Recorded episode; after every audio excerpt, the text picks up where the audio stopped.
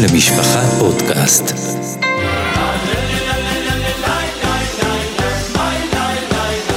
שלום וברוכים הבאים לסדרת הפודקאסטים קוירס רוח איתי, הרב אפרים זלמן גלינסקי. ידידי הטוב, בסוללתר גרובייז. כבר מזמן לא נפגשנו, והנה אנחנו בפרק 26, חוף ווב. זה שם הוויה, אם אתה יודע, וזה בדיוק מתאים למה שאנחנו הולכים לדבר היום, כי אנחנו הולכים לדבר על חג הפורים, חג הכי שמח, שכל הנושא של שם הוויה מסתתר, זה נראה כמו איזה פרק בפודקאסט, איזה רק ככה יצא, צירוף, אבל בהכל יש.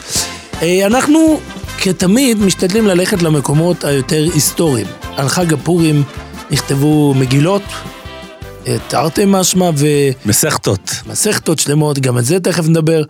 ומה שאנחנו רוצים לדבר זה על הצד ההיסטורי. עכשיו, לא על הנס, מתי הוא קרה, איפה הוא קרה, איפה אחשוורוש נמצא, אלא על שנים יותר מאוחרות, על איך החג הזה קיבל את אגב, הקצור. על הקטע ההיסטורי, אז מומלץ לכולם לחפש את הספר של רבי יהודה לנדי, שהוא אה, מתעסק בארכיאולוגיה בזווית התורנית. כדאי מאוד לראות את הספר שלו על הנס פורים. אם אתה כבר עושה פה עזרה לאנשים, אז יש לי חבר, אפרים שימלמן, גם הוא הוציא ספר מגילס אסתר מדהים מדהים, הוא מסקר הזה של ה... כל ההיסטוריה בצורה סיפורית, ממש מרתק, אבל אנחנו לא באנו לדבר על ספרים, אלא לדבר על פורים. וחג הפורים צריך להודות, רב אפרים, בפרט אה, אצלכם, בני ליטא, שאתם בדרך כלל יותר, הרבה יותר שמחים מהחסידים כמובן. אני לא רק מדבר על שמחה, אני מדבר בעיקר על קונבנציונלים. אתם אה, יודעים מה אתם צריכים לעשות, ללמוד, לעבוד את השם, וחג הפורים הוא כבר מתקופת חז"ל, זה איזשהו יציאה מהדרך הרגילה. אנחנו לא מכירים חג כזה. חג שהוא בהרבה מובנים הוא הפוך מכל מה שאנחנו מכירים בחגים. במקום ללמוד, לשתות, ולא סתם לשתות, להשתכר. להשתכר זה, זה, זה, זה חצי איסור, ב- ב- באזורים מסוימים של הראשונים ודאי. אני לא יודע אם אני אמרתי לך את זה, אבל אה, אולי בפודקאסט הקודם על פורים, זה העניין של עדה ליודה. כן, דווקא הראש שיבה שלי בישיבה ליטאית, שקראו אה, רב שלמה כץ, שהוא אחד מהראש שיבה של חברון, אני לא יודע אם אתה יודע, זה הוא רבה שיינקל, הוא קרוי על שם אה, רב שלומקה זווילר, שזה סבא רבא שלו, הוא נכד שלו בגדלים מוישה. פעם באתי אליו בסעודת פורים, הוא אמר לי רעיון נפלא שממש מתכתב יפה מאוד מה שאמרת עכשיו. הוא אמר שבתפילו זקו, אנחנו אומרים שמיות חלבנו ודומנו יהיה כמו קורבון, שמקריבים לקדוש ברוך הוא. אז אמר הרב בוני מפשיסחה, ככה הוא אמר לי, אומר שבערב יום כיפר, למה יש מצווה לאכול בערב יום כיפר?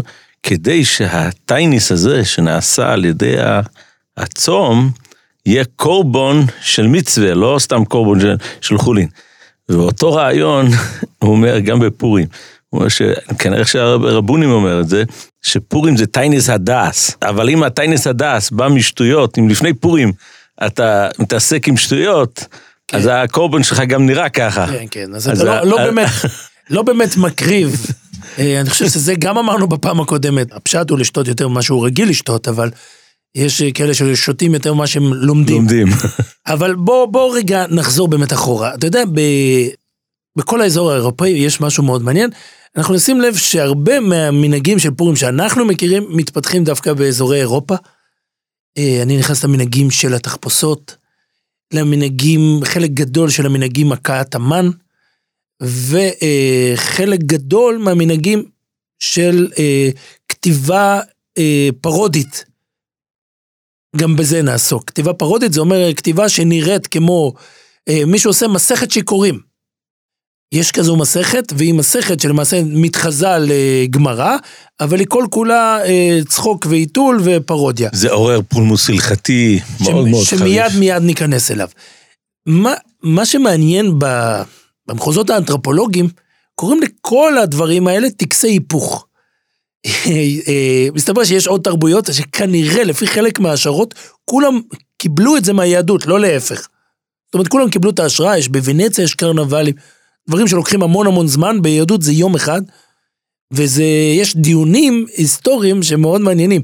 מה עושה ההיפוך הזה? זאת אומרת, ונהפך הוא במובן העמוק, שפתאום בלילה אחד כל המוזרים של הקהילה אה, מרגישים טוב ועולים על השולחן, כל אלה שבמשך כל השנה נדחים. נדחקים הצידה. יש איזה היפוך תפקידים מאוד מעניין, אנשים אה, מתלבשים בצורה שהם לא רגילים להתלבש, נשים וגברים מחליפים בגדים, ו, וכל ההיפוך הזה, אה, יש כאלה שסבורים שזה, אנשים צריכים פעם בשנה, החברה צריכה לשחרר את זה בצורה מבוקרת. נדמה לי שזה הגיע מיהודים, אתה אומר, ה- ו- ויש כאלה שטוענים שזה הפוך, שזה, שזה מעורר, שזה עושה הרבה מהפכות. יש את שני הצדדים האלה, אפשר לראות את שני הצדדים האלו. אני במקרה, או שלא במקרה, אה, חיפשתי היום, אז אה, נזכרתי שיש אה, קטע בספר אוהב ישראל, אוהב ישרול, מאפתה. הרבי מאפתה. וכשהוא מדבר בתוך דרוש גדול לפרשת זוכר ופורים, אז הוא מדבר על הנושא של תחפושת. אז הוא אומר, שים לב לדבר מאוד מעניין שהרבה שנים שמתי לב אליו, אם מישהו מגיע ועכשיו מחכה, אה, איזה רב, איזה ראש ממשלה, איזה מי שלא יהיה, אז זה מצחיק אותנו. לעומת זאת, אם נשמע את הרב הזה בעצמו, זה הרבה פחות יצחיק. אה, גם בתחפושות אתה רואה את זה. כשאישה לבושה כמו אישה וגבר לבוש כמו גבר זה לא מצחיק. אבל אם עושים את ההיפוכים האלה, אז הוא כותב כמו שאנו רואים בימי הפורים כאשר איש יהודי משנה מלבושה ולובש בגדי אישה, נעשה שמחה וחדווה על ידי זה. וכשרואים כל ימות השנה את האישה בעצמה שמלובשת, שמלובש כל אחד בבגדיו הראויים לו, אין שום שמחה. אמנם עיקר השמחה בא מחמת ההשתנות מדבר אל היפוכו. ואז מפה הוא נכנס, איזה הנס של פורים, אני לא נכנס לזה כמו שאני רוצה להראות לך, שיש פה איזה מקור לטקסי היפוך האלה, וזה מאוד מעניין, כי זה יוצר מתח. איפה המתח מתחיל, אם נרצה? כבר בגמרא. הגמרא מתארת, אה, זה, זה אחת הגמרות ש, ש, שלא גמרו לדרוש אותה מרוב שהיא, אה, אני לא, אסור להגיד את זה, אבל קצת מוזרה. הגמרא מדברת על חייב איניש לבסומה, כן? מצד אחד בן אדם חייב לאבד את הפוקוס שלו בפורים, כל פורים מחדש, עד דלא יודע, שזה אה, נראה הדבר הכי הפוך מזה, ואם חסר משהו, מיד בשורה הבאה יש סיפור שהוא, בחז"ל קוראים לזה מעשה לסתור. הסיפור מראה כמה זה לא כדאי לעשות את זה, שקום רבי... פיקוח נפש. שזה מגיע עד פיקוח נפש. זאת אומרת, הדבר הזה הוא, הוא לא פשוט, ויש כל הזמן מתח, ולאורך כל הפודקאסט היום אנחנו נראה שבכל אחד מהנושאים של פורים יש מתח. יש חלק מהגדולים שאומרים, חבר'ה, חייבים לעצור את זה, ויש חלק מהגדולים שאומרים, הנח להם לישראל, או אדרבה, זה מצוות היום. אז אבל- בוא נתחיל באמת ב... אז, ב- אז בואו ב- נתחיל, אבל עוד. שנייה שים לב שגם בסיפור, מי שלא זוכר, קם רבא ושחט את רב זיירה, אגב רבא הוא זה שאומר חייב איניש לבסומה, כן? הוא קם ושוחט אותו, ויש שם נס גדול והוא מצליח להחיות אותו, שנה אחרי זה הוא רוצה להיפגש איתו, אומר לו, תשמע, לא עושים כזה דבר עוד פעם. ו- וזה גם מלמד אותך על המתח, זאת אומרת מצד אחד חייבים לעשות את זה, מצד אחד זה מסוכן לעשות את זה, ו- וזה בגדול הציר שעליו נע כל הפורים. אז אם נתחיל, אה, יש הרבה מקומות להתחיל. בוא, בוא ניקח למשל את הדוגמה שבה אה, זה נראה לנו היום מנהג מובן מאליו, אבל זה מתחיל באשכנז, מנהג של להכות את המן. להכות את המן, ולהכות את המן אה, זה נקרא להשמיע קול הקאה כשה, אה, כשהקורא מגיע לשם המן, אם נתחיל מהסוף, המשנובורי דווקא מבקר את אלו שרוצים לבטל את המנהג, בדיוק. והוא אומר שאנחנו לא... אה, ויש כל לא הזמן מונים. מבקרים למנהג. ופה צריך לדעת משהו מאוד חשוב, ומי שמכיר היסטוריה. תתאר לעצמך, אה, באירופה יש עוד מנהג שהוא נלווה להכאת המן, זה לתלות בובה בצורה של המן. עכשיו תתאר לעצמך יש אנשים שעד היום עושים את זה. נכון. ויש לזה מקורות. ומה שמדהים, תחשוב באירופה, מי שקצת מכיר את אירופה של ימי הביניים ואפילו של יותר מאוחר, כשפתאום הנוצרי רואה את היהודי תולה איזה בובה וזה מזכיר לו את ה... עלילת דם. זה לא עלילת דם, זה מזכיר לו את, ה... את שורש הנצרות. את השורש של עלילת דם. את השורש, כל השורשים שכביכול יהודים צלבו ותלו. ולכן, ויש כמה וכמה מקרים שהדבר הזה גורם לפוגרומים. ולכן חלק מגדולי ישראל שבאים לבטל את המנהג הזה, זה פשוט מרוב לחץ היסטורי. זאת אומרת, אה, זה לא פשוט. אה, מה אנחנו- באמת המקור הכי קדום למנהג שלנו? יש לנו ש- המון המון מקורות, אנחנו יודעים ש, שהיה פוגרום אחד שכבר היה בשנת, שים לב, ד' אלפים קע"ה, זאת אומרת שנת 415. בוא ת- תמקד לנו איזה, איפה זה נמצא, מבחינת ראשונים, אחרונים. זה הרבה לפני הראשונים. זה, זה, זה קצת, זה אולי אפילו גאונים. מה המקור? אה, אה, אנחנו יודעים המקור. ש, ש, שהיה נוצ, אה, נוצרים יווניים בקהילה קטנה באזורי טורקיה, שם פשטה הנצרות, והם קיבלו אישור מהקיסר, גם כן בגלל שהיה עץ ששרפו בימי פורים לזכר המן, וזה היה נראה בצורת צלב. ולכן היהודים שילמו על זה מחירים יקרים. הקיסר מה המקור? מה המקור שלנו לסיפור הזה?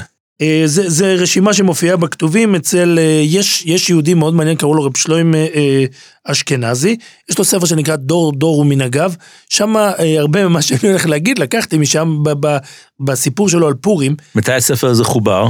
לא, הספר הזה הוא ממש ב, בדור הקודם, מהמם. אבל הוא עושה, הוא עושה סקירה. מה המקור שלו, אבל לא לסיפור את המסוים המקור, הזה? הוא לא מביא את המקור, מהמם. הוא כן מביא שיש כזו רשימה, הוא מביא מקור נוסף, שבערך 500 שנה יותר מאוחר, שגם נהרג יהו- יהודי בגלל המנהג הזה, של תליית הבובה. של תליית הבובה. ממש כאילו, זה- זה, נמצא, המקור שלו הוא בספר שנקרא שארית יהודה, אנחנו דיברנו פעם על הספר הזה, זה ספר שמתאר עלילות היסטוריות של יה- יהודי אירופה. ולכן בהרבה מהמקומות היה גדולי ישראל שנאלצו. אחד מהם זה המג לצדק. הוא כותב, אפילו מפני חשש לעג הגויים, צריך לבטל אה, את הדברים האלה. יש אה, רב אחר, הרב רפאל בן שמעון, הוא רב אה, בקהיר, הוא כותב, יש מקומות שמניחים התינוקות להכות המן בכל פעם ופעם שמזכירים את שמו, ויש שמכים בקרדומות ומהלומות, אה, הוא עוד לא הכיר את הקפצונים של הדור שלנו, אבל יש כאלה שפיתחו את השיטה על ספסלי בית הכנסת. אבל פה לא יש, הוא מותח ביקורת בצורה עניינית, כי הוא אומר שזה מבלבל את השומעים בקריאת המגילה, כן. וזה, אבל אתה אומר שה- שהמשנה ברורה במפורש אומר שכן, כן לעשות את זה. לא למנוע, אני חושב שלגבי הקטנים, הוא מדבר בהקשר של להביא את הקטנים, לא למנוע מהם לבוא, אף על פי שהם אה, מכים את המן, זה, זה מה שזכור לי. כן, אה, למשל, אה, יש ספר קדמון. אגב, את את המנהג הזה כן יש גם בארצות האסלאם, אנחנו רואים את זה לאורך כל הדרך. הבן איש חי מביא את זה. הבן איש חי מביא מנהג נוסף, ש- שלכתוב את השם המן ולמחוק. כן. אבל זה באמת מנהג פחות מזה. אה, זה אנחנו רואים בכל האשכנז נמצא. אגב, המנהג הזה קיים כמובן, וכידוע לכ- לכל, גם שקוראים זוכר באמצע השנה, וגם שקוראים בפרשת זוכר. כן, דווקא ש- פה, שרוקים למשל, ברגליים. למשל אני יכול להגיד לך שבגור שלנו הקפידו מאוד לא לעשות את לא זה. לעשות את זה. בגלל, אה, בדרך כלל, הרבה פעמים קורה שזה שעולה לתורה אומר את הברכה ועוד יש באמצע דפיקות. כן. עכשיו, מאותה סיבה, הליטאים מהמתים, ולכן עושים את זה אחרי הקדיש. אה, אבל, אחרי הקדיש, כי זה בסוף. כן, ב- כן. אבל מאותה סיבה שבה אנחנו רוצים לדפוק את המן, צריך מאוד מאוד להיזהר, לא, לא להכות כשמישהו אומר שם שמיים. כן. אז בג- בגור ממש, כאילו, הרבס... ביטלו את המנהג הזה לחלוטין. בישרול, אני חושב, אומרים שהוא היה מסמן עם היד לא. זאת אומרת, זה מנהג אה, ש- שהוא התחיל, אנחנו פחות רואים את המנהג הזה מופיע ב- בספרות אה, רצינית. אז זה מנהג אחד שהוא מנהג ששרף את אה, זה, אבל בואו בוא נדבר על עוד דברים שקרו, והמנהג הכי מפורסם בהקשר הזה הוא באמת מנהג התחפושות. עכשיו, אה, בעצם זה התחיל שאנשים מתלבשים ו- ומחליפים בגדים. שזה מעורר אה, פולמוס הלכתי, פה מעניין ממש, מאוד. כי לפעמים יש פה ממש שאלות הלכתיות. האם מותר ללכת... יש לנו לאו דאורייסה, שאסור לגבר ללבוש אה, בגדי אישה, ולכן ההפך, ואיך אנחנו פותרים את זה בפורים. אז זה, זה מאוד מעניין השיקולים ההלכתיים שמובאים, בגלל שזה לא, ה, זה לא השיקולים הסטנדרטיים, אבל אפשר ללמוד מזה הרבה, גם, גם לגבי שאלות הלכתיות אחרות. כי המקור, ואני אודה לך על, המקור הזה, המקור של, של המערי מינץ, של אה, רבי יהודה מינץ, כן, רב בפדובה. כן, שאנחנו נמקם אותו, אז אנחנו מדברים על לפני 500 שנה בערך. בכלל, בכלל אני רוצה שנגיד מילה. כן. רוב ההתפתחות של הפורים בצורה שאנחנו מכירים, אנחנו מזהים את זה, אני לא מספיק חוקר, אבל אנחנו מזהים את זה מאזור איטליה. באיטליה מתחיל הנושא הזה של קרנבלים. כמה דברים אנחנו רואים שם, שקורה בפורים. יש שם אה, פורים שפילים, יש שם הצגות גדולות. לפי חלק מהמקורות, מגיעים לצפות במחזות האלה אנשים שאינם יהודים, זה ממש אחד, היהודים חוגגים פורים בצורה בוונציה, ו- ואנחנו רואים רוב הפולמוסים התורניים מתרחשים בתוך האזור הזה של ונציה, בפדובה, וחלק מותחים על זה ביקורת, וחלק בעד זה, וחלק... לא, זה, זה, זה המערי מינץ אה, מתייחס לזה. ורק- ארי מינץ רק- הוא, הוא הרב של פדובה, הוא מגיע כן, רק, מגרמניה. רק בשביל לעזור לשומעים שאנחנו כל כך מבינים בתיארוך של הדברים, אז אנחנו מדברים על התקופה של התומאס הדשן, ואני לא יודע אם אתה יודע את זה, אבל אחי הגדול הוא, אה, הוא דוקטור להיסטוריה ומתמחה בתקופה של הראשונים ושל כן. הטור אחר כך, ותמיד אני שואל, שואל אותו את השאלה הזאת לגבי התומאס הדשן, מה הוא היה? הוא היה ראשון או היה אחרון? אז תמיד אומר לי את אותו תשובה, הבסייסף מתייחס אליו כראשון. אבל מבחינת השנים, מאוד מאוד קשה ל... הוא לא. הרבה שנים לפני אבס יוסף. נכון, כן. נכון. וזה זה ממש על התפר, וזה בדיוק התקופה של המערימיץ. אז לכן אנחנו מדברים על תקופה מאוד מאוד קדומה. ומה שמאוד מעניין בתשובה שלו זה שהוא הוא כותב את זה כנתון עובדתי. שהסיפור הזה של התחפושות אתה ושל יכול לקרוא את הלשון אולי? על דבר לבישת הפרצופים שנוהגים ללבוש בחורים וגם בתולות. נשים מילה, פרצופים זה אלו מסכות. מסכות, נכון. כן. זקנים נערים בפורים, משמע ממנו שגם הזקנים היו לובשים מסכות. כן, צריך לדעת את זה. זה שחג פורים נהיה חג של ילדים, זה הרבה יותר מאוחר. המבוגרים היו אלה שהיו מתלבשים ומתחפשים. הנה ראיתי שכבר פסק להתיר אהובי ואמיתי, מחותני, כרוכה דקולבי, תרגום, אדם שיודע הרבה, כן. אבקת הרוכלים, זה עדיין חלק מהתארים שלו, ריש קאלה וריש קוילו, האשל הגדול, מורנו הרב אליקים סגל, והוציא כאור משפטו כאשר נימוקו עמו. ורעיותיו מוכיחים עליו כאילו יצאו מפי הגבורה. על כן, המארח רב כמארח אחר השכינה. אבל מעניין מאוד הטעם שהוא בעצמו מביא. זאת אומרת, בעצם מה שהוא אומר, דבר ראשון, יש לי הוראה מפי אה, גודל מספיק מוסמך בעיניי, שזה מותר. אומר לכם, זה מותר. אף אני אמרתי להביא ראיה להתיר, לא כמראה אחרי הרב הגדול, ולא כמחזיק דבריו, כי אינו צריך, ועוד כי ראיותיו דידי עלים הם מראיות דידי, הראיות שלו הן כן. יותר חזקות משלי.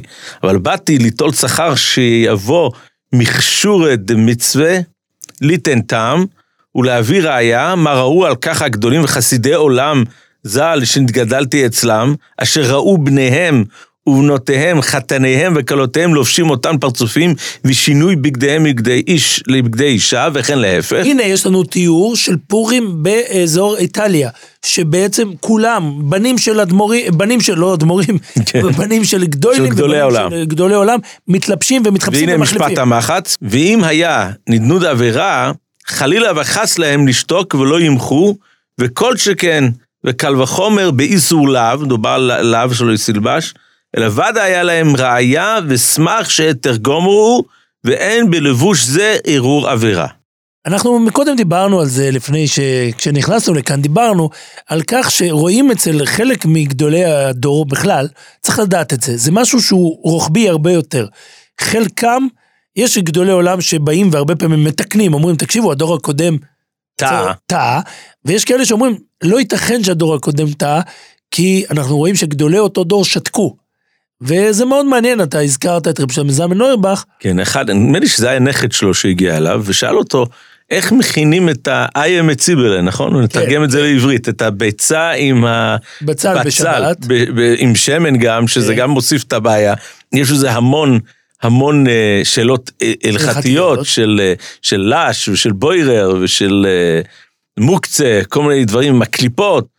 אז, אה, אז רבי שלמה זלמן אומר לו על המקום, רבי שלמה זלמן אומר, קודם כל אתה צריך לדעת שזה מותר. ולמה זה מותר? כי סבתא שלך עשתה ככה, וגם סבתא שלי עשתה ככה. אז זה ודאי שזה מותר. אבל זה לא פותר אותך לבדוק למה זה מותר. אני לא בא לה- לעשות לך הקלות בלימוד. אתה תלמד ואתה תנסה לברר למה זה מותר. אבל זה, זה גישה מאוד מעניינת. שמעתי פעם מאחד מרבותיי, שהרב אלישיב לדוגמה, לא היה לו את הגישה הזאת. אם היית מצליח לשכנע את הרב אלישיב שמשהו הוא אסור על פי דין, הוא היה מקבל את מה שאתה אומר. מדהים.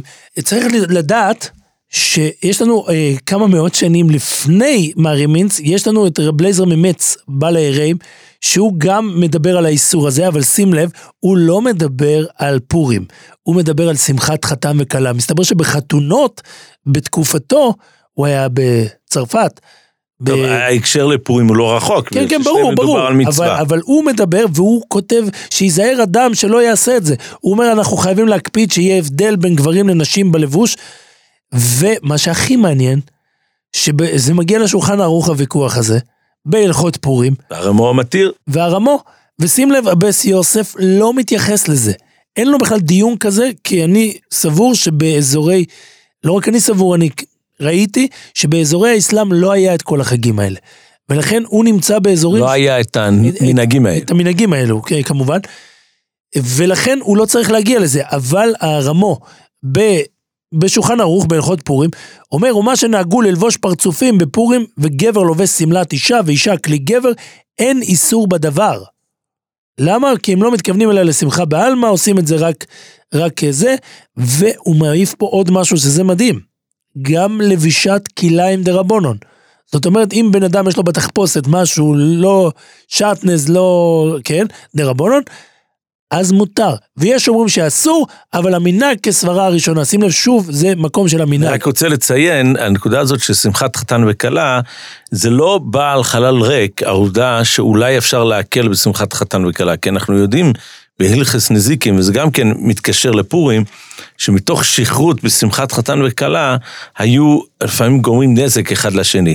היה להם איזשהו מנהג, שזה מובא בפויסקים, שמובא גם בטייסוס, ש, שהם היו מתחפשים, עם, הולכים על אה, סוס, אני לא יודע אם זה סוס אמיתי או סוס אה, מדומה, עם כידון, והיו אה, כאילו מנהלים איזשהו אה, מלחמה בשמחת חתן וכלה, וזה היה גורם לנזק של רכוש. ו, ויש איזשהו קולה בנושאים של חוישן משפט. מדהים, מדהים, אני כתבתי על זה פעם, אה, באריכות רבה. יש לי איזה השערה, אבל אני לא, לא אכניס את זה פה, כי אנחנו מדברים על פורים ולא על שמחת חתן כלה. לא, אבל רוצה- זה משתייך גם לפורים, כי ברור. משתמשים עם זה גם בפורים מי גם לפורים. שהזיק, אה, יש לו איזה אה, הקלה. אבל בוא, אני ברשותך, אני רוצה שנמשיך הלאה לעוד נושא מאוד מאוד מרתק, פולמוסי מדהים, שגם הוא מתחיל כמה מפתיע באזורי איטליה, וזה הנושא של פרודיות. המקור הראשון, יש מי שמכיר, אה, בשנים האחרונות יצא שיר שהולך על ליל שימורים. זה הפיוט של ליל שימורים, שזה נקרא מערבית, מערוביס, שאומרים בקהילות אשכנז, היו אומרים את זה בליל חג הפסח. ואומרים את זה מסודר בתוך ברכות קריאת שמע, מדי פעם עוצרים לפני סגירת הזה ואומרים את המערבית. ואחד הדברים הכי מפתיעים, יש פיוט שנתפס בסידור, אני חושב הכי חשוב בכל הזמנים בעם. היהודי, מחזור ויטרי. מחזור ויטרי לפי, לפי רוב... תלמיד הרש"י. לפי רוב התפיסות זה תלמיד הרש"י. שם יש תפילה שנקראת ערבית ליום פורים. ויש שם פיוט שמזכיר, הוא פרודיה, כמעט אחד לאחד של הליל שימורים ההוא. ובמקום ליל שימורים זה הולך, ליל שיכורים הוא זה הלילה, לשמוח ביין הטוב ולגילה, פורים על שם הפור נקרא בגילה, יזכור לנו בקריאת המגילה. המעריב ערבים, ואחרי זה למשל, וזה זה, זה פיוט ארוך, ארוך. אה, בליל זה ישכרו כל יצורים, להיזכר חוק אשר נקבע בפורים. ארור האיש אשר ידו ירים, לשתות מים המעוררים, זה... ועכשיו יש משהו מאוד מוזר. האם אמרו, אנחנו יודעים, יש לנו אה, עדויות שבחלק מהקהילות בעולם אמרו את הפיוט הזה בליל פורים. מודפס, זה מודפס, אז אומרים. ואמרו באמצע קריאת שמע, פיוט שכל כולו פרודיה. יש רגליים לדבר שעוד היו שם קטעים שהיו צריכים צנזור מרוב שזה היה פרודי. ואולי אפילו קצת אה, אזורים ש... אני חושב שכדאי רק אה, לה- להקדיש מספר מילים מועט, כן. להסביר את המושג פרודיה. כן.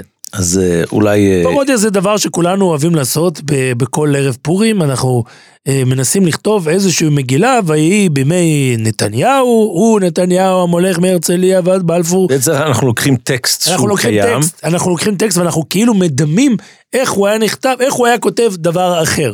ובגמרא זה, זה מי, ש, מי שקצת למד בחיים, אז הוא מגיע ועושה אה, רבי שיקור ורבי זה, ו, ו, ורבי חמרה והלכו, ב- ממש הוא מצייר את הגמרא עם שאלות שזה אנחנו באמת מוצאים באותה תקופה, וזה... ותקופה יותר מאוחרת. לא, אנחנו מדברים על 800 שנה. כן. אנחנו מדברים על, נכון, על נכון. המסכת פורים הראשון, מדברים על 800 שנה, שהמחבר שלו היה עם שם מאוד מאוד מעניין. אני לא הצלחתי לחקור אחרי מהות השם, אבל קראו לו רבי קלונימוס בן קלונימוס. אני, אני, דיברנו על זה, אני די מפקפק ב- בחיוב לשים רב לפני זה. נכון, הוא נכון, משורר ופילוסוף. נכון. אה, אה, מה שיש לנו ממנו זה בעצם תרגום של ספרי חוכמה ל- ללושן הקודש. אנחנו לא ניקח גם את, ה, את הזכויות שיש ליהודי הזה שכנראה הגן על, על יהודים בפני האפיפיור באיזשהו אה, מצבים ש, שנקלעו להם, והיה לו גם אה, פולמוסים עם, אה, עם אנשים שהוא אחז אה, שהם אה, מזלזלים בדמויות שמופיעים בתנ"ך, אז כנראה שהוא היה אדם אה, ערכי ובעל שיעור קומה, אבל אנחנו הרבה פעמים חוטאים בטעות הנפוצה שכל מי שחי בתקופה של הראשונים היה היה ראשון. ופה זה לא, היה הוא- טעות הוא כנראה. הוא כנראה לא ראשון. אגב, באותה מסכת פורים שעליה אתה מדבר, הוא מזכיר את, ה, את המנהג לשרוף את המן וזה, זה, זה, זה תזכורת קדומה ועדות של... לפחות 800 שנה. כן. ויש עליו ביקורות, ומה שמעניין, הוא כתב, הוא כתב כזו מגילה, והוא שם לה אפילו בסוף, הוא שם לה כזה קולפון. אבל בוא נחזור רגע לפיוט, כי הוא הרבה יותר מדהים.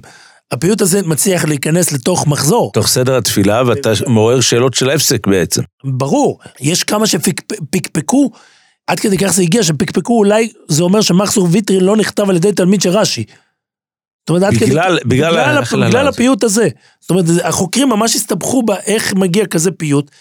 מה שיותר בולט, שהפיוט הזה גם לא עשוי מספיק טוב, ואגב, הפיוט מלא בגאונות. וגאונות הוא, הוא מורכב מפסוקים, לפני כמה שנים יצא קובץ שנקרא אסופות, יש לי ידיד רבי יעקב ישראל מקלב, הוא כתב אה, ממש ביור לפיוט הזה, ביור במובן של השוואה עם אה, מקורות יהודיים, ומה שמעניין, היה יהודי בפולין, קראו לו רבי יעקב בכרך, והוא היה חוקר, הוא היה, הוא כתב הרבה, כתב הרבה על בלשנות, וכשהוא מדבר על הפיוט הזה, אז הוא אומר, שימו לב, שאותו אחד שזכר את כל ברכות קריאת שמע, למעשה פספס את תפילת השכיבנו. שם הוא שכח לתקוע אה, שורה של הפיוט. והוא הוסיף על זה, אז בכרך יצר, הוא אמר, בואו, גם אני יודע לעשות פרודיה, ואז הוא עושה... הוא השלים את החסר. הוא השלים את הפרסה והוא אמר, ועל ברכת השכיבנו, אין לפנינו, אולי היין העלה מנחיריו עשן וכבר שכב וישן. זאת אומרת, אה, הוא התעצל, אז, אה, אז זה, זה עד כדי כך הגיע. אבל אה, מה שמעניין שהקלויזנבורגר, השפע חיים בספרות דברי עצב, כן נוטה אה, להסביר, להסביר את הפיוט הזה, והוא כותב שאפילו שכנראה הפיוט הזה לא נאמר באמת, והוא נאמר רק לשמחת יום טוב, אבל אם הוא מופיע בכאלה מקורות באזורי מחזור ויטרי, אז אנחנו יכולים לדעת שיש בו איזה מסר, יש בו איזה עניין. הוא לא מוכן לפסוק שמותר להגיד את זה ולעשות הפסק כן, בתפילה. כן. זה, זה מאוד בולט, אבל נגד, נגד, ה, נגד מסכת פורים קמו הרבה עוררים. רב נפתלי כץ, אני חושב, אני דיברתי עליו לא מזמן בפודקאסט אחר, רב נפתלי כץ ממש רצה לצאת בחרם על כל מי שכתב כזה דבר, ויש עוד הרבה... אנחנו יודעים שהחידו התנגד לזה. אחידו התנגד לעוד דברים של פורים שעוד רגע נדבר עליהם. אז, אז בוא, בוא רק נשים לב, הרבה מגדולי ישראל לא אהבו את הרעיון הזה. מצד שני, היה כאלה, אה, לפי חלק מהמקורות, אומרים שאפילו בדורות האחרונים ממש, אני ראיתי, לא נעים להגיד, בוויקיפדיה, ש... אה, שהסטייפלר כתב גם כזה מין, כן. כזו מין פרודיה. יש הרבה שכתבו. יש לי סיפור ליטאי טוב בשבילך. אוקיי. שהיה באחת מהישיבות אה, את המנהג של הפורים רוב, נכון? אנחנו כן. לא, לא הקדשנו לזה. עוד רגע אנחנו נקדיש. נקדיש, אבל, אה, אבל היה פעם, אני כבר לא זוכר את השם, אבל היה גם עילוי גדול, שפעם מינו אותו שהוא יגיד אה, פורים תרא בתור פורים רוב. הוא נעמד ואמר שטיקל תרא, והאוי לו מסתכל עליו ואמר, אנחנו לא מבינים למה זה פורים תרא. אז הוא אומר, כי מילה אחת מכל מה שאמרתי לא היה אמת. זאת אומרת, הוא המציא... הוא המציא גם את הבבלי, גם את הירושלמי. את הפירושים, את הראשונים, את האחרונים, ואף אחד לא שם לב שזה לא אמיתי. קראו לו אה, רב גימפל, מ- הוא היה רב, אה, רב גימפל יפה, הוא היה אה, רב שניים. אוקיי.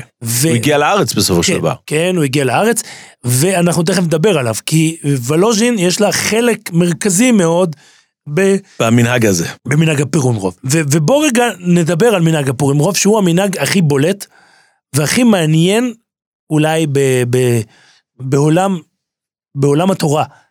בעצם, צריך לדעת, בעולם הקדום באירופה אנחנו רואים בכמה וכמה מקומות שהיו ממנים את הרב של פורים כבר בראש חודש אדר.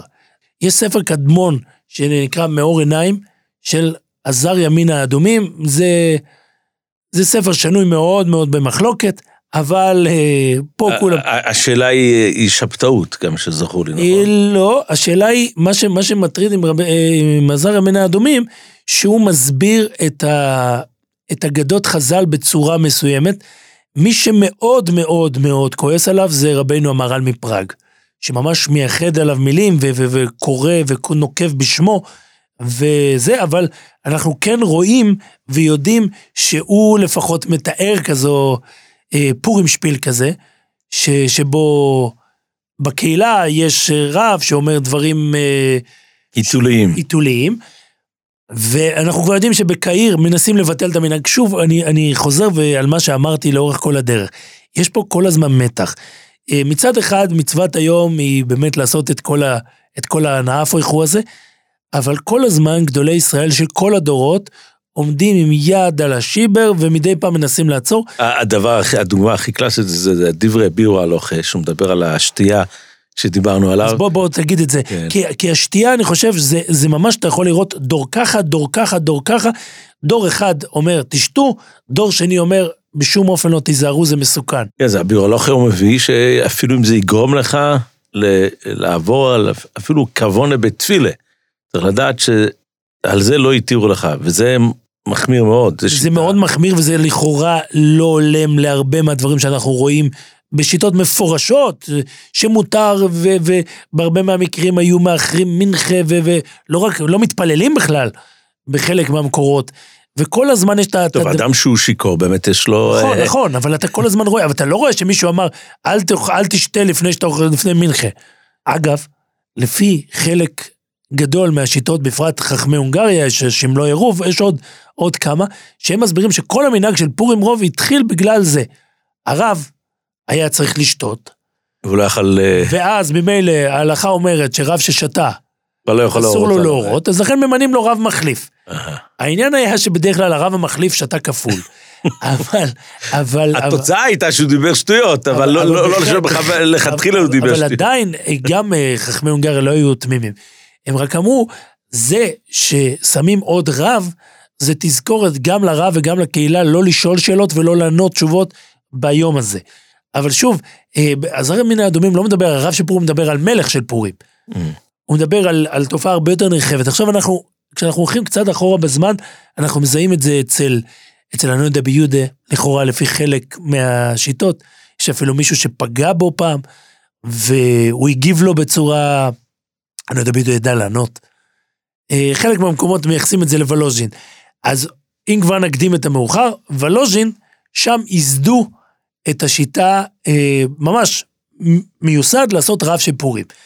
היה כמה גדולי, כמה גדולים מעניינים שהיו רבנים, לפי אה, מקורות שאני ראיתי, הרב קוק היה, הרב נריה מביא סיפורים על מה הוא אמר, הוא דיבר פעם אחת על... אגב, הרב קוק בוולוז'ין היה נחשב קנוי. ככה ידוע. אם, אם כבר הזכרת את הרב קוק, אני לא יכול שלא להתגבר הרב זוננפלד, כשהיו שואלים, שואלים אותו אם הוא רב של ירושלים, הוא נהג להגיד, אני הפורים רוב. למה? אז הוא היה אומר את הטעם הזה.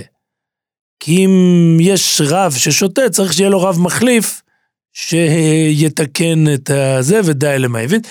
ואגב, אה, בירושלים, אם מדברים על פורים שפיל, היה פעם פורים שפיל אה, שפגע בכבודו של הרב קוק, ומיד נענשו, אחרי, נענשו מזה. מיד אחרי החג, רברש פסח, ורוב רבני ירושלים כינסו, אה, כינסו ממש בית דין ש, שיחייב את כל הבחורים, את כל מי שהשתתף במאורע הזה, אה, להתחרט, לבקש סליחה. זה היה הצגה, הם עשו הצגה. כן, הוא בחזרה לוולוז'ין. בוולוז'ין, אה, לפי חלק מהעדויות, רב חיים וולוז'ינר עשה את זה במכוון. כי הוא אמר, פעם בשנה אני צריך לשמוע את כל החסרונות של הישיבה, אני מעדיף שיעלו פה כמה בחורים שטויים, שהם יתחילו לדבר, בדרך כלל הם היו קצת אה, יורדים על הצוות, ומדברים על הדברים האלו. מה שנקרא ביקורת בונה. כן, הוא אומר, תן לזה פעם אחת להשתחרר, ובאמת, הרבה מהסיפורים, אחד הסיפורים שאני ראיתי בקובץ אישורון, אה, במאמר על תולדותיו של רב זליג ראובן בנגיס, שגם למד בוולוז'ין. שגם למד בוולוז'ין, לפי אה, אותו מספר, רב זליג ראובן היה, אה, פורמוב. היה פעם רב של פורים, אבל הוא, תקשיב טוב מה זה גאון, הוא פחות עשה פורים תוירים מה שאנחנו מכירים. מישהו אמר לו, בוא נראה אותך אומר את המשנה הראשונה של מסכת אה, בוב מציע, אני חושב, והמשנה הראשונה של מסכת ביצה, ותיקח ככה, תעשה את זה מילה מילה, תעשה ברצף אחד. אה, אה, שניים ביצה, אוחזים של נולדו, ככה, והוא עשה את זה ברצף אחד בלי להתכונן. לי יש עדות ממורי חמי, מרבי יהודה פלאי, שבתור ילד הוא הגיע לרב בנגיס, והרב בנגיס אה, אמר לו מה עם הפרשיות של התורה. תגיד, בראשית נח, היה ילד קטן. כן, אז הוא אומר לו, טוב, עכשיו אני רוצה שאתה תגיד הכל בעל פה, מהסוף. מהסוף להתחלה. מהסוף להתחלה. אז ברכה, האזינו. כן, אז, אז השווער שלי התבלבל, ילד אה, התבלבל. אז הרב בנגיס אמר שבגללו נסגרה ישיבת וולוז'ין, יכול להיות שסיפרתי את זה פה לא, לא. הפודקאסטים. הוא אומר שבשלב הראשון הממשלה הרוסית אה, רצתה להכניס את לימודי ספרות רוסית לוולוז'ין, והנציב הסכים כאילו על פניו, ומה שהוא עשה זה שהוא ביקש לזלב גרובן שהיה עילוי עצום שישנן בעל פה איזשהו אה, אה, חוברת, איזשהו סיפור אה, ארוך של אחד מגדולי הספרות הרוסית, והוא אמר לו, תסתובב פה ליד המשרד שלי, שהמפקח יגיע ואני במקרה אקרא לך ואתה תגיד לו. אז ככה, ו- ו- והוא קרא לו, והוא אמר לו את כל הספרות, והמפקח היה בהלם, איזה יופי, בחור מוולוז'ין יודע את ה... את כל הספרות כן. הרוסית. אז הוא אומר, ואז עשיתי את הטעות הנוראה, ואמרתי למפקח, אתה רוצה לשמוע את זה מהסוף להתחלה? הוא התחיל להגיד לו את כל הסיפור של הסופר הרוסי מהסוף להתחלה. ואז הוא הבין שהכל בלוף. ואז הוא אמר, אה, אתה משונה דכאילוי, אתה גאון, אני רוצה לשמוע מישהו רגיל מהישיבה, ואז התגלה התרמית. וואו.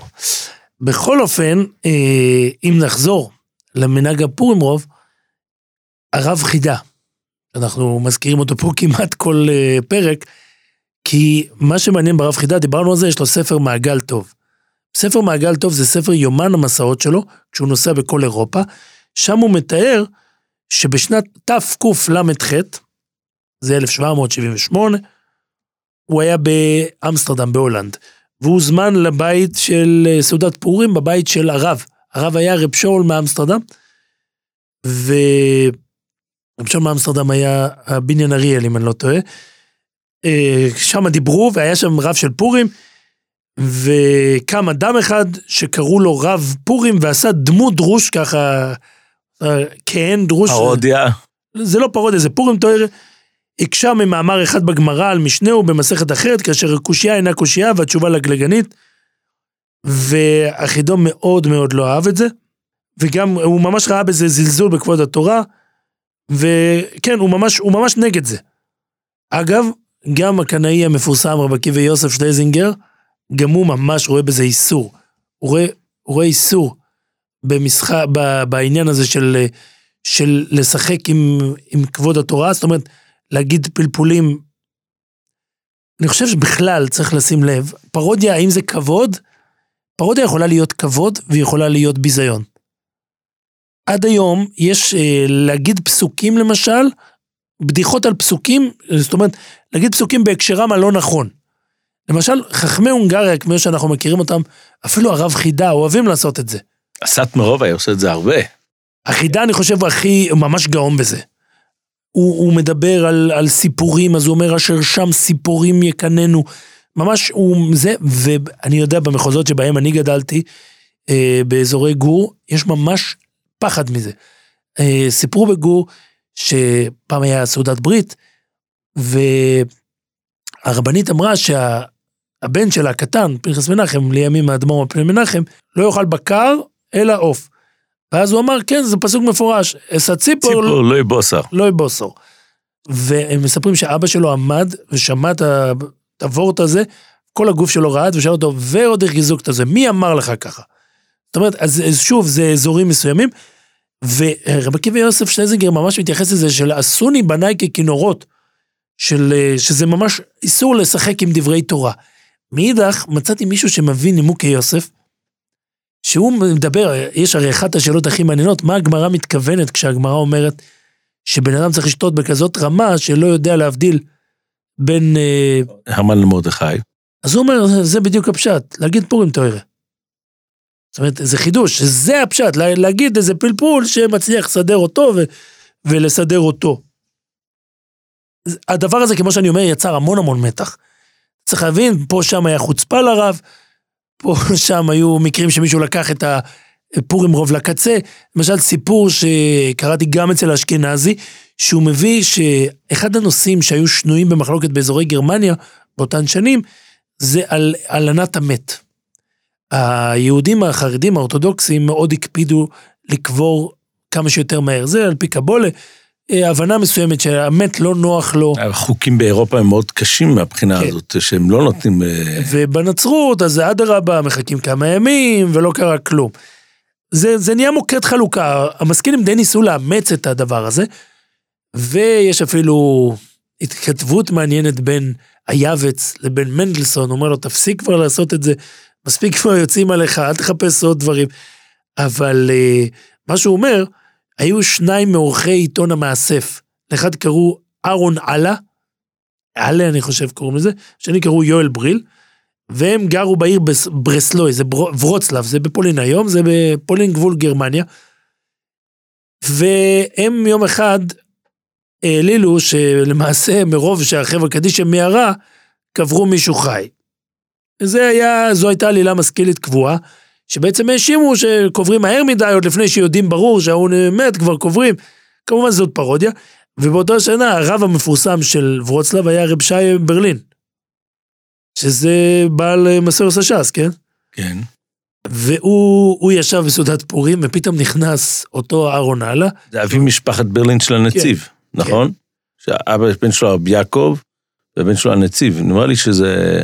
ואם אתה כבר מזכיר את ברלין, אז הם מספרים שהרב נריה כותב שכשהרב קוק היה אה, פורים רוב בוולוז'ין, אז הוא אמר, ברלין תיפול וברלין תעלה. השכלת ברלין תיפול, וברלין זה הנציב. הנציב. הוא יעלה, הוא יצמח והוא יצליח. אבל אה, פתאום באמצע הסעודה אצל רב שי ברלין נכנס מישהו לבוש בתככין וכל הגוף שלו כאילו פצוע, ואומר, תקשיבו, אני הייתי מת, כמעט קברו אותי, רק בקושי הצלחתי לברוח. כאילו זה, אבל הוא אומר, התחיל כזה סערה שהוא היה חייב לעזוב את העיר. אצל הלטאים זה היה מאוד נפוץ, אני חושב שגם כן תלוי איך שנים. שנים שזה עלה ושנים וגם איך ישיבות, וזה צריך אתכם, אתם יודעים יותר טוב. למשל, אני ראיתי בוויקיפדיה, אני חייב לומר, ראיתי שהרב ישראל מאיר לאו היה רב של פורים בישיבת, בישיבת פונוביץ'.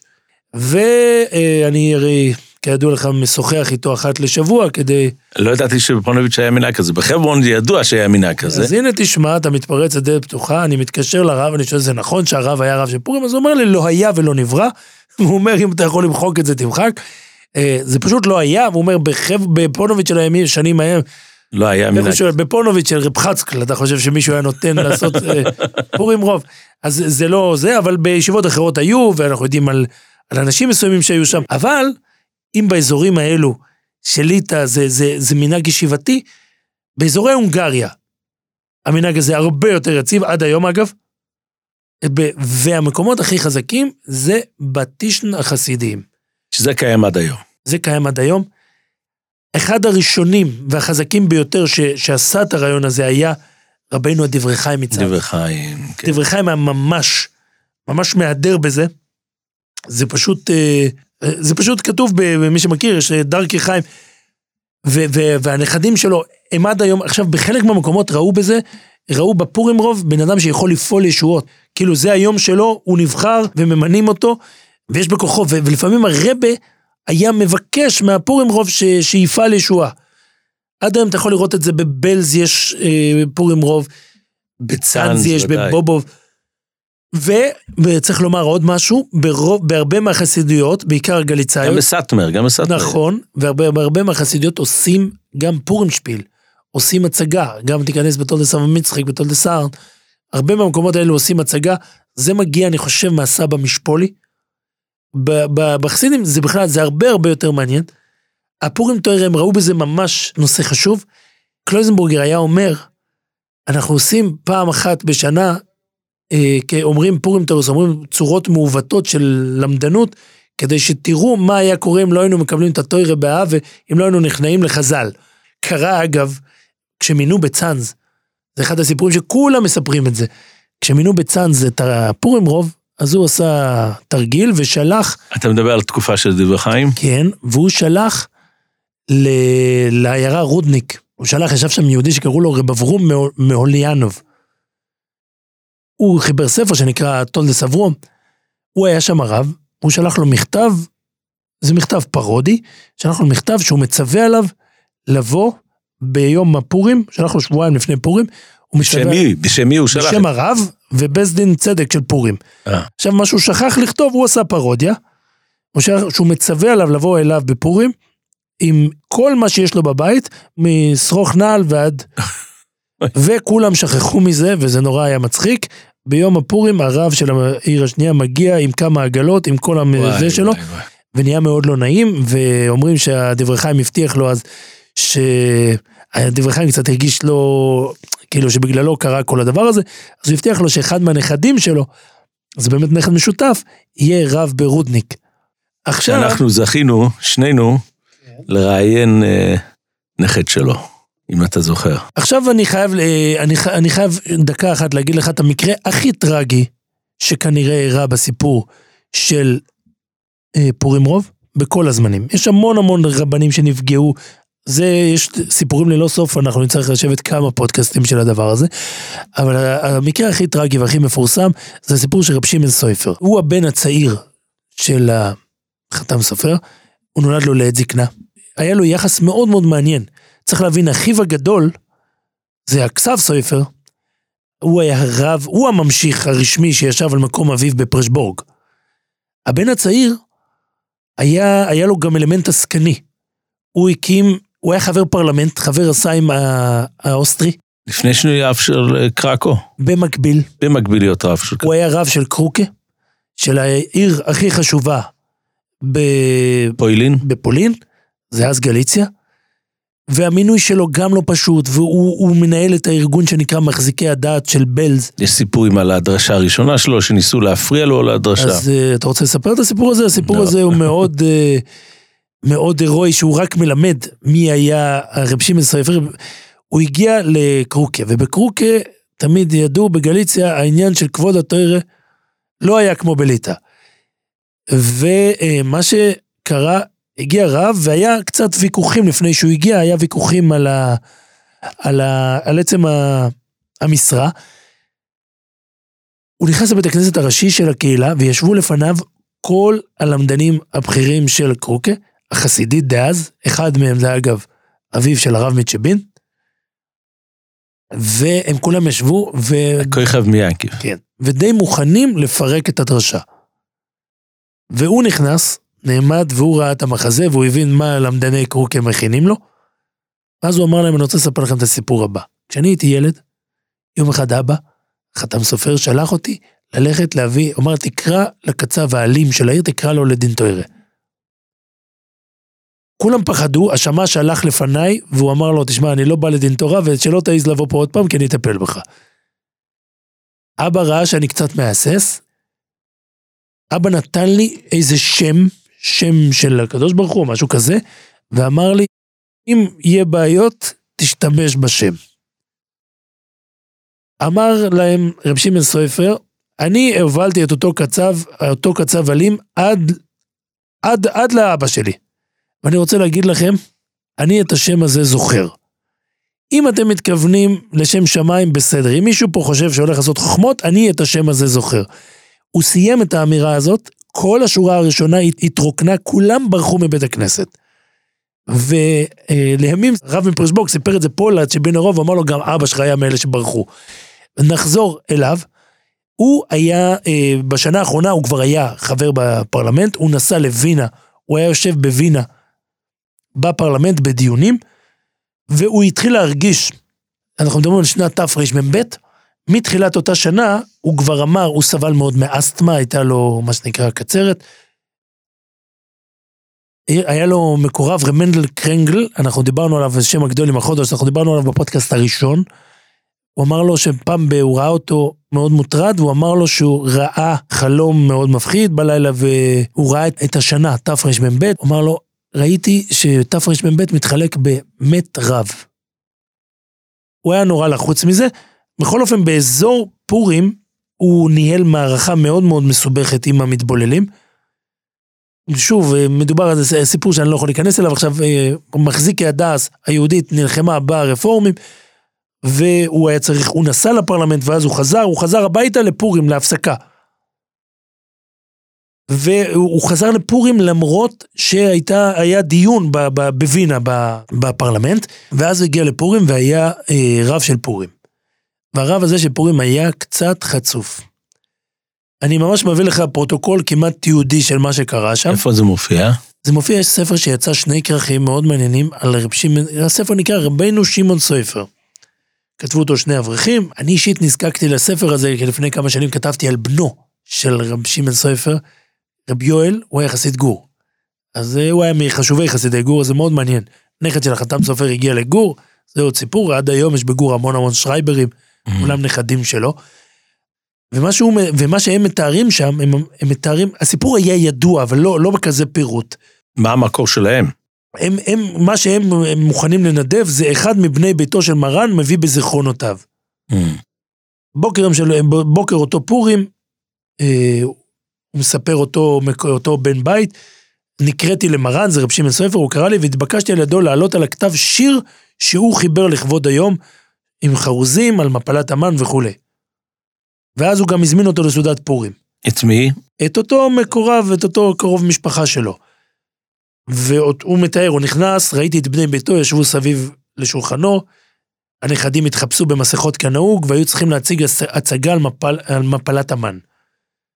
התפקיד של המגיד הוטל עליי, ובאותה תקופה היה, העולם היהודי היה מאוד סוער, היה איזה עלילת דם, בהונגריה. המגיד הוא מתכוון פורים רוב? כן.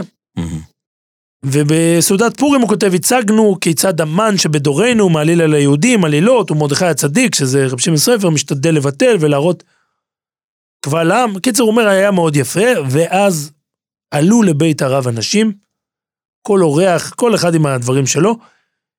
משסיים האורח את הפזמון שהכין, כל אחד אמר איזה חוכמה וזה, וכל אחד סיים. הרב נתן לו כוס יין, ונתן לו גם איזה עוגה קטנה, מזונות, וגם קצת נדבה. בין הבאים, הוא אומר, הגיעה חבורה אה, שהתחפשה לחסידים. חסידים היה קצת מתח שם ב, בזה, והם עשו, פנו מקום לפורים רוב, הם הביאו איתם פורים רוב. ואז אה, רב שמעון סופר אומר, נו, בוא, פורים רוב שיגיד מה, מה יש לו להגיד. התחיל הרב להשמיע פלפול חריף ועמוק, אך הוא אמר את זה בקצב כל כך מהיר, שאף אחד מהמסובים לא יכל לתפוס מה, מה הוא מדבר. אז רב שמעון סופר מבקש, אולי הפירומרוב יכול לדבר קצת יותר לאט, שגם אחרים יוכלו להבין? ואז קרה פה משהו מאוד מאוד חמור, אנחנו יכולים רק לדון לזכות שזה ב... ב בשגגה. שזה בפורים וההוא שתה, אז הוא אומר לו, אם הרב רוצה שאני אעט, אז אולי... אומר, גם אם אני אעט זה לא יעזור, כי אני לא הולך לדבר פה פוליטיקה. אני הולך לדבר בלומדס. וואי וואי. וכאילו זה רמז שאתה, שהרב בסך הכל הוא חבר פרלמנט. וואו וואו. זה אפילו בפורים לא עושים. והיה שם חתן של הרב, רב עקיבא קורניצר, עד היום שניהם קבורים בבית העלמין החדש בקרוקה. הוא ממש קם והתחיל לצעוק וזה. ו... אבל הרב שמעון ספר אמר, לא, לא, אני רוצה לשמוע מה שיש לו להגיד. ואותו אחד המשיך, ואמר, הרב של קרוקה, אל, אל תיבהלו שהפלפול הזה מדי עמוק, כי גם את הדרשה שהרב דרש בשנה בזה, גם כן אף אחד לא הבין. וזה מפה הלך רק ודרדר, הוא לא רוצה להגיד, הוא לא רוצה להגיד מה היה, אבל מה שיודעים, שבסוף אותה סעודה רב שמעון סופר נחלש מאוד,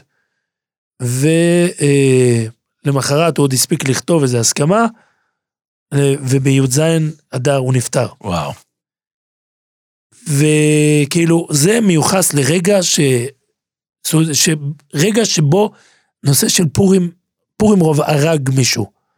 עבר את גבול הטעם הטוב. עבר מאוד את גבול הטעם הטוב. אבל אתה יודע, זה אנחנו צריכים לזכור, שגם אם יש איזה מקורות, וגם אם יש איזה עניינים, ואפשר לתקן בזה תיקונים, כמו שאתה אומר שהרבס היו עושים, אבל צריך לדעת, יש גבול. בין אודום הרבס, לחברוי, זה בין כן, אודום כן, לחברוי. ו- ו- ו- ו- במילה אחת, הרבס, בכלל, תלמידי הבעל שם טוב, אף פעם לא נבהלו מפורים רוב. אנחנו יודעים על שני מקורות ש... שהיה להם קבוע, קבוע, הכי מפורסם זה הרשל'ה מאוסטרופולר. הוא הפך לדמות, כבר כל הבדיחות שאני בילדותי, לאחרונה הפסיקו עם זה, היו מספרים על הרשל'ה. נכון. והרשל'ה אה, לכאורה הוא אחד הדמויות הגדולות, הוא היה בדחן שהיה משמח את רב ברוך ממז'יבוז'. רב ברוך ממז'יבוז' היה נכד של הבעל שם טוב? היה נכד של הבעל שם טוב, והיה ידוע שהוא קצת רגזן. כשהוא כן, נפטר, יש אמרות כנף בשמו. כשהוא נפטר, ראו אותו, אה, את הראש שלו, הוא נפל על זוהר פתוח, והיה כתוב שם, אית רוגזה ואית רוגזה, יש רוגז ויש רוגז. יש רוגז טוב ויש רוגז רע. הרוגז הטוב, דה, ה- ה- הזוהר מסיים, דאי איקרו בוריך. אה, הוא נקרא ברוך. אה, הוא נפטר על זה. אבל יש דמות הרבה יותר מפורסמת, שהוא היה אצל הרבי מבלין, קראו לו רמורט, רמורטחה רקובר. עם- בגור, האם רמס הקפיד לקרוא לו רב. הוא היה, אה, לפי חלק מהסיפורים, הוא נולד כדי לשמח את הרבי מלובלין.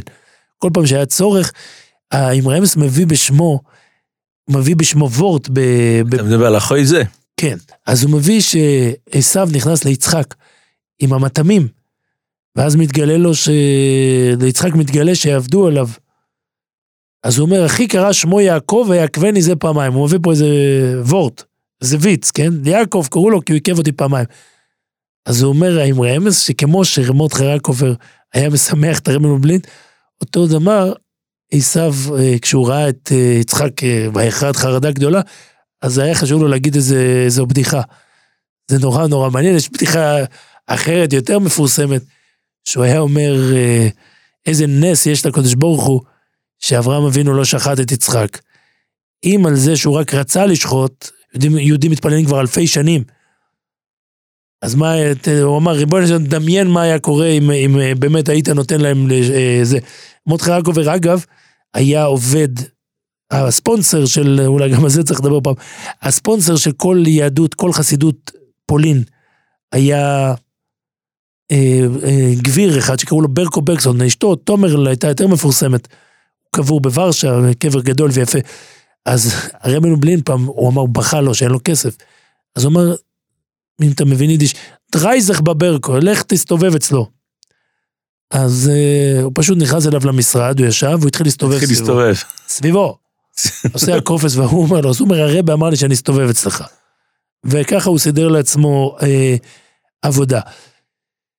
אם נחזור אה, וננסה לסכם את מה שאמרנו, אז אה, שוב, יש פה את המתח הזה. המתח הזה כנראה, ימי הפורים האלה לא יעברו. אנחנו רואים בשנים האחרונות שיש יש איזה איזון, בשנים האחרונות הרב שטיינמן ו, ועוד כל מיני מחנכים הבינו שזה לא מאוד בריא, בפרט לא לאנשים צעירים, כל ההשתוללות הזאת ברחובות. אני חושב שזו תופעה שלא הייתה שנים. שיש... אה, טיש. ש... אני לא מדבר, טישים תמיד היה, אבל שיש ישיבות, מרדכי הצדיק, יש ישיבות בבני ברק שלא יוצאים אפילו לאסוף כסף, שהם כל הזמן יושבים ו... ונמצאים אצלם.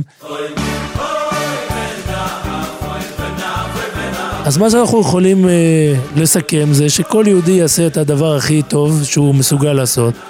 להיזהר, מצד שני, לא לפגוע. לא לפגוע וכן אה, לשמוח. וכל אחד, אנחנו סומכים עליכם, אנחנו, איך אומרים ב- בספרים, לא באנו להורות על אוכל למעשה, רק אה, לא לשמח את הלב. מרמוקים לו. וזה, ושיהיה לכם, מפריע לכם פורים.